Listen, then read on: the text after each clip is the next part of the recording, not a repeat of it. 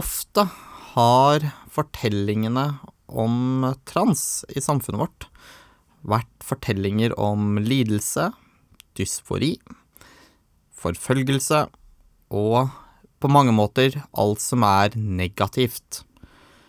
Laura Kate Dale, kjent eh, transkvinne, aktivist og dataspiller fra Storbritannia, har eh, i boka Gender Euphoria tatt på seg jobben med å samle fortellinger om transglede mellom to permer.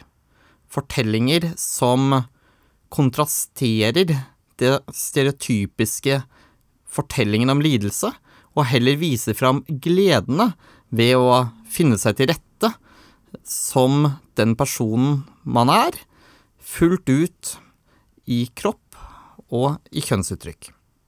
Mitt navn, ja, du har kanskje allerede gjettet det, du kan kalle meg Kamerat E, og du lytter nå til en episode av podkastserien Bøker og blomster. Dagens bok er som nevnt Gender Euphoria, en antologi med intet mindre enn 19 bidragsytere, eh, hvor alle på et eller annet vis er skeive. Det er transpersoner, ikke-binære, agender, genderfluid, intersexpersoner som har delt sine erfaringer med å være trans, med å være skeiv, men også da med fokus på hva som har gitt glede, ikke minst i prosessen med å finne seg til rette i samfunnet. Dette er en samling tekster som jeg vil si er inspirerende å lese, som er nyttig å lese. Men det er også en uh, tankevekkende bok i den forstand at den snur opp ned på den etter hvert så dogmatiske, omtrent fortalte historien om lidelse og tristesse. Her er det igjen litt viktig å ha i bakhodet at det jo ikke er noe nytt i dag å finne fortellinger om glede ved det skeive, og anerkjennelse for seg selv av å være skeiv. Samtidig vet vi at det er, og har vært gjennom hele den brede forstand skeive historien og litteraturen, mye fokus på lidelse, på hva som er vondt, hva som er vanskelig, hva som skaper utrygghet. Denne boken tar for seg mange ulike perspektiver. Eh, mange perspektiver som er viktige i seg selv å fokusere på. Her er fortellinger fra ja, så å si alle deler av verden. Her er fortellinger fra europeisk, et europeisk perspektiv. Fortellinger fra Midtøsten, USA, Sør-Amerika, Asia Hoveddelen av fortellingen er rett nok da hentet fra, og det er jo ikke så unaturlig med en bok som er skrevet på engelsk, fra den engelskspråklige verden.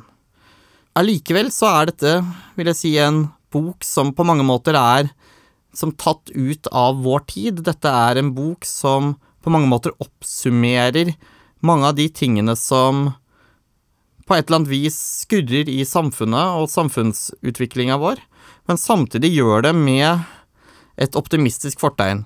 Og da kan man jo stille seg spørsmål om er dette her et realistisk bilde, og jeg vil jo si at dette er en bra bok. Eh, jeg vil ikke gå så langt som å kalle det en selvhjelpsbok, men jeg tror dette er en bok som mange vil ha nytte og glede av å lese, fordi den også gir, på et eller annet vis, en grunnleggende følelse av et håp, men også en grunnleggende følelse av Kan i hvert fall gi en mulighet til å øyne de tingene som gjør hverdagen levelig, som kanskje til og med ikke bare gjør hverdagen levelig, men hverdagen også som noe man ønsker å leve.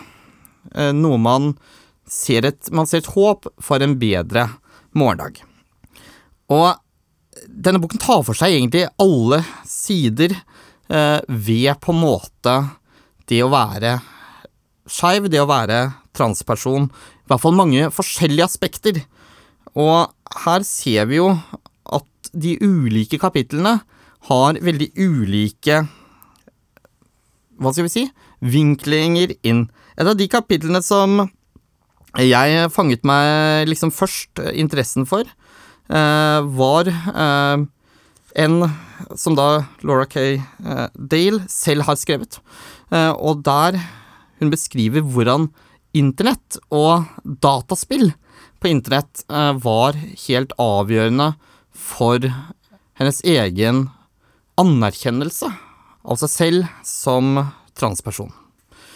Og der eh, beskriver hun hvordan hun egentlig ved et uhell i et av disse store online dataspillene hadde blitt eh, La oss si transformert fra å ha en mannlig avatar til en kvinnelig avatar, og syns det egentlig ikke var så ille. Siden, dette var mens hun var 14 år gammel, skulle hun spille eh, World of Warcraft. Ikke akkurat kjent som verdens mest skeive spill, men når hun da opprettet en karakter der, så var det nettopp en kvinnelig karakter med et kvinnelig, eh, i hvert fall tolket som kvinnelig, brukernavn. Hvilket da eh, ble akseptert som en kvinnelig figur i spillet av de andre spillerne. Hvilket da igjen startet en prosess med å tenke nærmere over hva er det som ligger i bunn av følelsene, hva er det som ligger i bunn av selvrefleksjonen, og som til slutt da ledet fram til en prosess som i dag har gjort henne til en av ja, Europas mest kjente transskribenter. Og en av de mest kjente bloggerne om videospill. Og man kan jo da tenke seg at dette her er en litt rar fortelling. Hvordan i alle dager kan et dataspill hjelpe?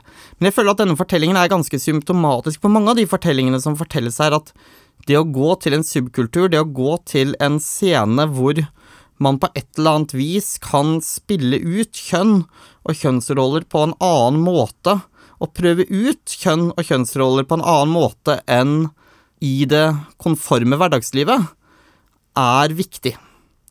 Eh, det kan være seg cosplay, det kan være seg dataspill. Det kan også være seg å være en del av punkkulturen og en musikkundergrunn som gir både en tilhørighet, men også med sine, kall det uniformering, sine klare trekk, eh, som også da ikke er like eh, kjønnskodet.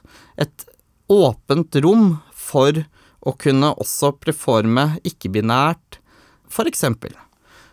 Og dette er, tenker jeg, noe som er viktig også å ta med seg inn når vi diskuterer skeiv i samfunnet. Det handler jo ikke her bare om helsetilbud, det handler ikke her primært om big politics. Mye av dette handler om kanskje eh, safe spaces som vi ikke har tenkt på i utgangspunktet som safe spaces. Arenaer for å trygt utforske. Veldig mye av det som er representert i denne boken, handler om elementer av hva vi kan kalle ungdomskultur, gjerne med et lite hint av også en slags form for motkultur av vår tid, altså. Vi er inne i landskapet av sub, det subkulturelle. Og i hvert fall for meg så gir dette her et lite sånn hint om at kanskje den mainstreamingen, den, den på en måte konformitetspresset i mainstream ungdomskulturen, eh, er noe av det som også da utgjør en trussel, egentlig, mot det skeive. Og at for skeive, og ikke minst da kjønnsskeive på forskjellig vis, eh, vil nettopp et, eksistensen av disse motkulturene kunne være bokstavelig talt en livsnødvendighet. Et sted for å finne en trygg havn, et sted for å finne glede i hverdagen. Så må jo jeg si at denne boken her, den vekker jo også på mange måter en del sånne anerkjennende nikk. Da. Det er en del av disse beskrivelsene her som jeg selv også faktisk har kjent meg igjen i, det å nettopp søke til en del, kall det, litt på siden av, av samfunnet, finne sin egen vei, tror jeg er en viktig del i det å være på en måte skeiv. Men jeg ser jo også hvordan en del andre erfaringer i denne boken også er veldig interessante å ta med. Opptil flere av av skribentene og bidragsyterne.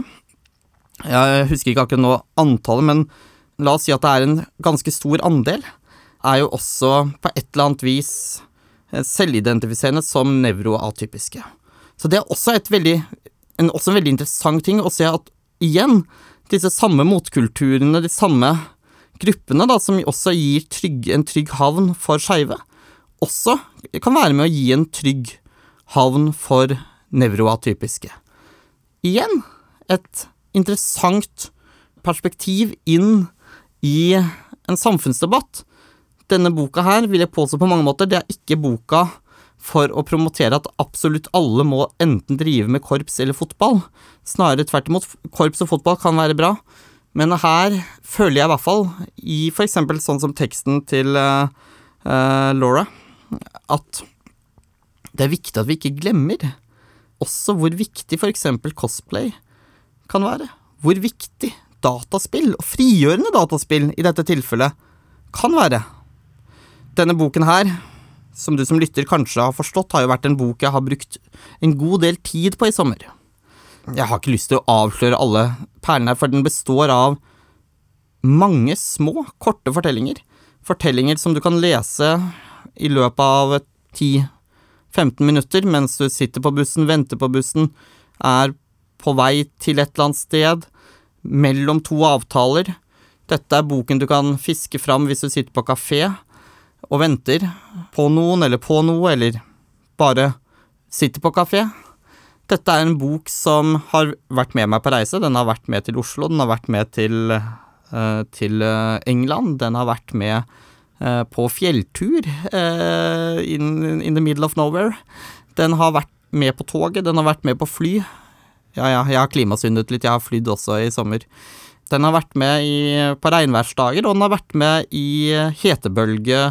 Så dette er en bok som har på en måte fulgt meg gjennom sommeren, eh, og en sånn bok som jeg har plukket opp mellom andre leseprosjekter. Og til det så har den jo vært, vil jeg si, en veldig fin bok. Inspirerende, eh, og en bok som ja, nettopp har ledet også til på en måte refleksjon og selvrefleksjon på en vil jeg påstå, en, en god måte.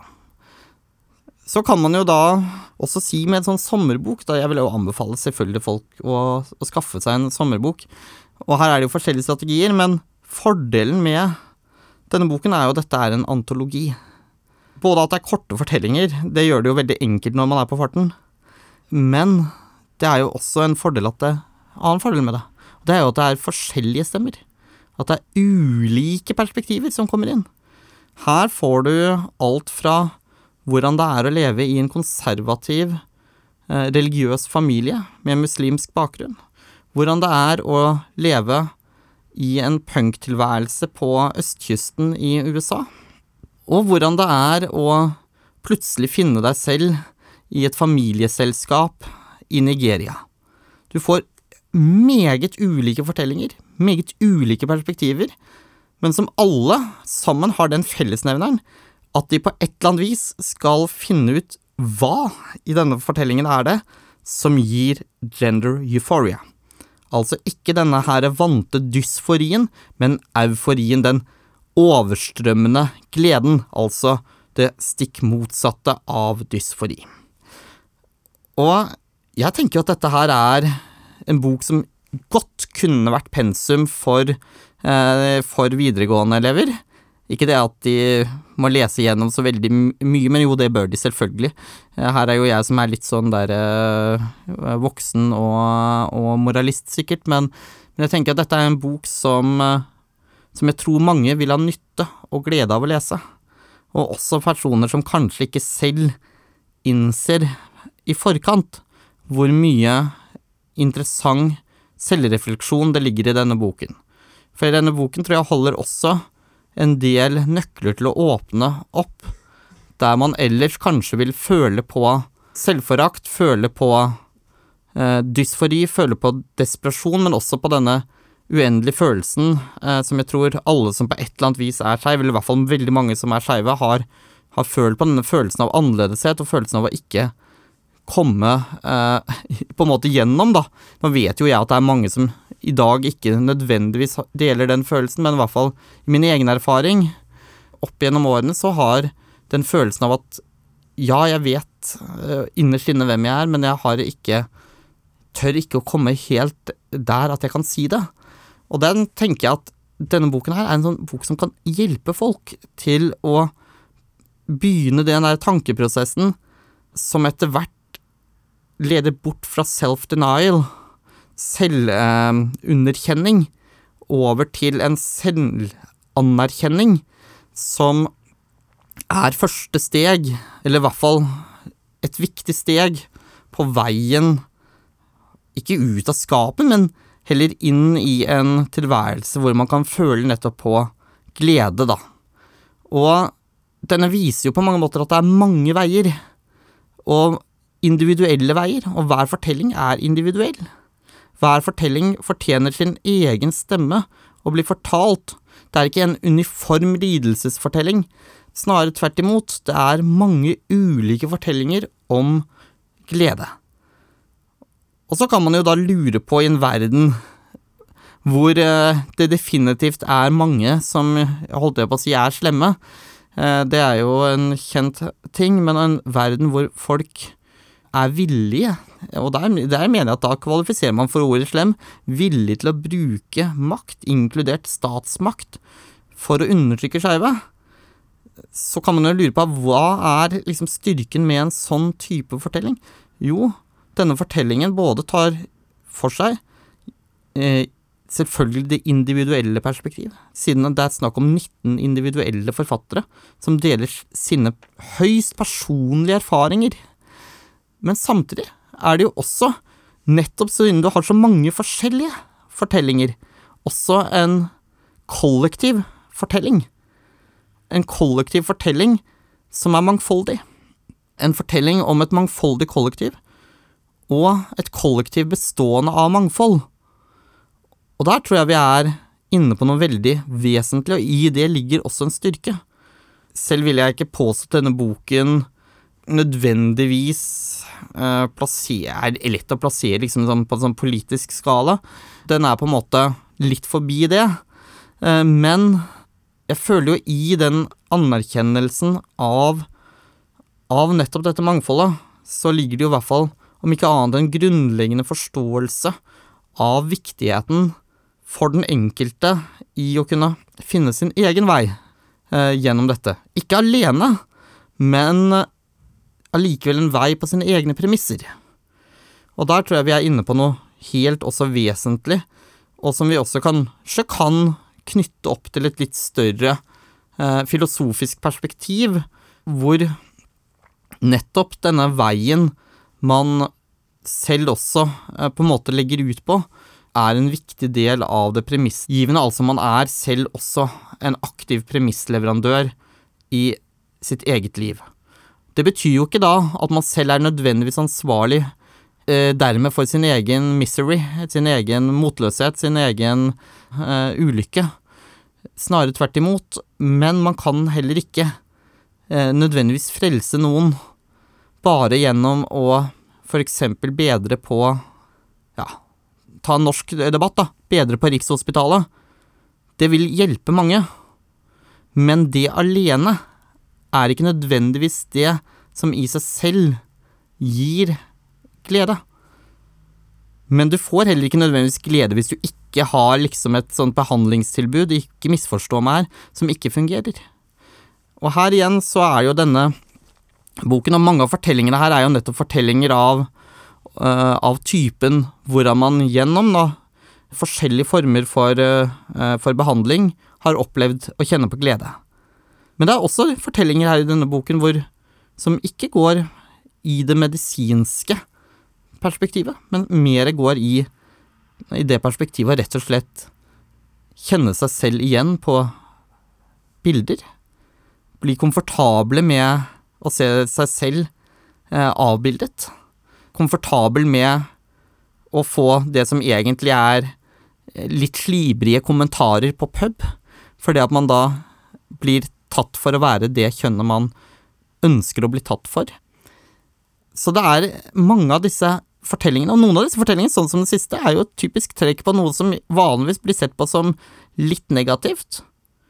Men kan det å liksom bli eh, ja, gitt komplimenter til på en kanskje ikke nødvendigvis like grei måte, men også være en liten sånn Ja, men da er jo faktisk også i denne her litt sånn på sitt eget merkelig vis, da. At man kan krysse av en liten boks, da.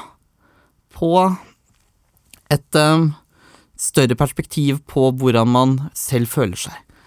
Og som da blir et sånt øyeblikk av confirmation, av bekreftelse på at man er på et riktig sted, eller i hvert fall et riktigere sted i livet.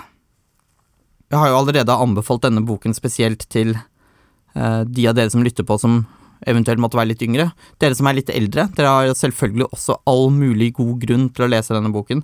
Dessverre ser vi jo, eller heldigvis ser vi jo kanskje, det er vel mer et riktig å si heldigvis, at det er mange som etter hvert, også sent i livet, opplever å få anerkjennelse, bekreftelse, og ikke minst eh, bli trygg med, med, seg selv, i sitt eget uh, kjønnsuttrykk, sin egen kjønnsidentitet. Her er det jo også da kanskje en av de svakhetene med denne boken. Det er jo noen litt eldre uh, forfattere, litt eldre bidragsytere, men de aller fleste er relativt sett yngre. Og her kunne det være jo interessant, også om det hadde vært kanskje et enda en litt annen type demografi, men jeg tror samtidig denne boken sin mer primære målgruppe er kanskje rettet inn mot den yngre, litt yngre garde, men jeg tror boken også holder noen, om ikke universelle, det er jo altfor altfor uh, alt for stort, men noen viktige uh, erfaringer som mange, også utover det perspektivet, liksom den aldersgruppa, kan den litt yngre altså, aldersgruppa, kan ha stor glede av. Selv om den tar for seg ting som dataspill og punkkultur. Ja, man må jo innrømme her etter hvert at ja, punken den har jo blitt eh, snart flyttet inn på gamlehjemmet, og dataspill, ja, det er ikke så mange åra til eh, de, første gamerne begynner å nærme seg pensjonsalder. I hvert fall senioruke på jobb.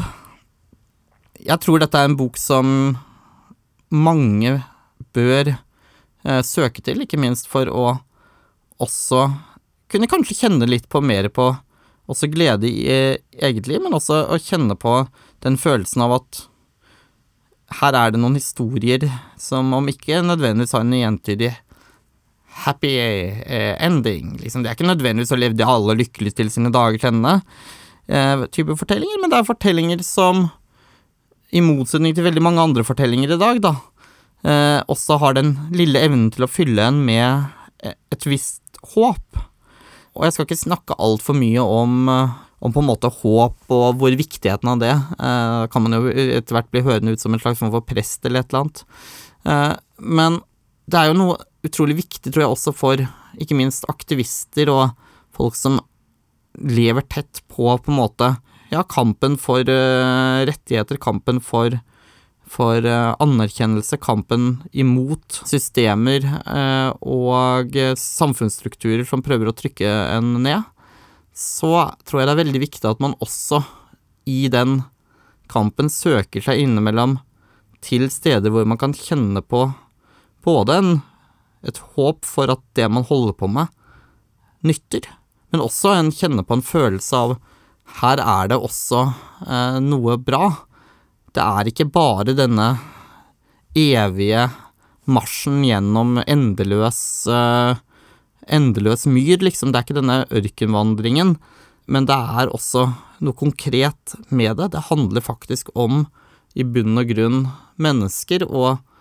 og bedre mennesker, og, uh, og i den forstand så tror jeg en sånn type bok Ikke minst kjenner jeg på det selv som, som aktivist. Det er også godt å lese. Man kan lese veldig mye fagrapporter, man kan lese veldig mye juss, man kan lese endeløse mengder av nyheter, og ikke kjenne noe glede. Ikke kjenne at man blir litt sånn litt mer varm inni seg, og litt sånn Ja, her er det noe som vekker på en måte et engasjement.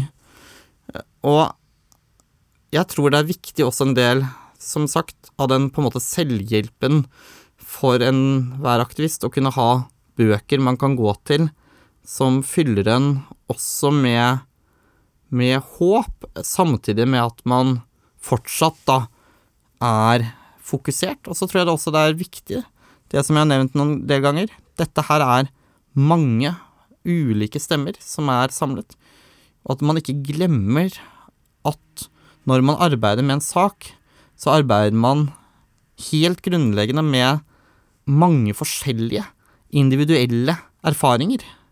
Individuelle erfaringer som må tas fullt ut på alvor. Det er ikke bare de kollektive løsningene som er viktig.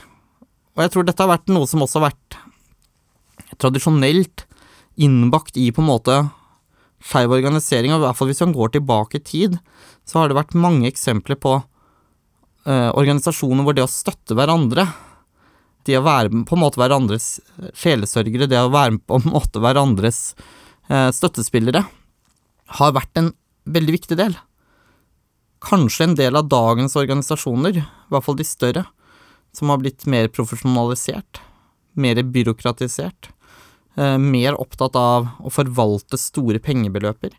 Kanskje man i en del av de prosessene også har glemt litt av viktigheten med medmenneskeligheten, viktigheten av å støtte folk rundt seg. At man kanskje har glemt litt de personene som sitter inne på sine ungdomsrom og gamer. Kanskje man har glemt litt de som henger på ungdomsklubben, og hvorfor den ungdomsklubben er så livsviktig for dem. Jeg tror definitivt i politikken at dette er noe veldig mange karrierepolitikere, også skeive, nok har glemt litt hvor viktig mange av disse elementene var i deres egen ungdom. Og for den, den gruppa vil jeg definitivt anbefale å lese en sånn bok, for den gir et helt annet perspektiv enn å lese motstridende helserapporter om hvordan det faglige nivået til legene på Rikshospitalet er. Det kan du lese deg ja, det kan du lese til den dagen du dør, uten at det nødvendigvis i seg selv vekker følelser. Det bør jo vekke følelser, men det trenger jo ikke å gjøre det, og fagrapporter er sjelden skrevet på en følelsesladet måte. Men gå til historiene fra folk som folk oppgir selv. Lytt til dem, ta dem innover seg. I den prosessen så tror jeg det er veldig mye som er utrolig viktig å ta med seg inn i på en måte en gjerning, enten det er politikk, aktivisme, journalistikk Hele denne tanken på distanse, eh, at vi distanserer oss fra vårt eh, objekt, det vi skal studere, men vi distanserer oss også fra oss selv. Eh, vi objektifiserer oss selv. Det er jo noe som fremmedgjør oss fra å kjenne på gleden ved vår egen selvanerkjennelse. Og der tror jeg at Laura K. Dale, med alle de andre medforfatterne i denne boken, har gitt et av de siste par årenes viktigste litterære bidrag ikke minst for skeive personer. Så denne boka her Jeg kan jo ikke noe annet enn å anbefale den. Nå er det litt sent å anbefale for å ta den med på sommertur, da, men det kan jo hende at den kan være kjekk å ha med i veska eller sekken rundt når man nå skal starte opp igjen med arbeidsliv og skole, utdanning eller eh, byråkratisk tredemølle mot Nav, eller hva det nå er du holder på med i ditt liv. I hvert fall når høsten er grå og kjedelig, eller du gleder deg til eh, å feire pride, eller hvor, hva det nå enn gjør, og hvor du er i livet. En sånn type bok tror jeg har veldig mye godt for seg. Og så er jo dette her bare ett eksempel på en lang, egentlig tradisjon i den skeive litteraturen, om hvordan Og det tenker jeg er en sånn veldig fin ting egentlig med det skeive, mye av den skeive litteraturen. Ikke minst den mer kjønnsskeive og ja, hva skal vi si, feministisk inspirerte skeive litteraturen, som ofte har hatt form av antologier. Jeg har nevnt, har nevnt det flere ganger, skal ikke mase for mye om det, men det er et kjennetrekk ved en på en måte skeiv litteratur, og det har vært der hele veien. Det var der på 70-tallet, det var der til og med på 60-tallet, var det antologiene viktig. Og det er på mange måter et noe også i bunn og grunn motkulturelt med de personlige stemmene satt opp i sammen mellom to permer, som både forteller om det som er likt, og det som er ulikt, men også det som er felles i en fortelling som både består av alle puslespillbrikkene, men også av en kontur, en, en skisse nærmest, som vi kan se av noe større, uten at vi skal la det store bildet kvele hvert enkelt bidrag. Dette her Dette er en bok som man definitivt bør lese, og den har gjort et stort inntrykk på meg. Større inntrykk enn jeg egentlig hadde forventet når jeg først åpnet den. Hos meg har den vakt mange tankerekker, og, og også eh, en del steder eh, gjenkjennelse i faktisk en god del av, av beretningene. Jeg vil anbefale denne boken for alle, også folk som ikke selv nødvendigvis identifiserer seg som trans, ikke-binær eller kjønnsskeiv i utgangspunktet. Du har nå lyttet til en podkast i serien Bøker og blomster. Skravlebøtta. Det er som vanlig meg, Kamerat E. Med meg her i Bråkmakerens fabelaktige studio er Felix. Vi høres igjen.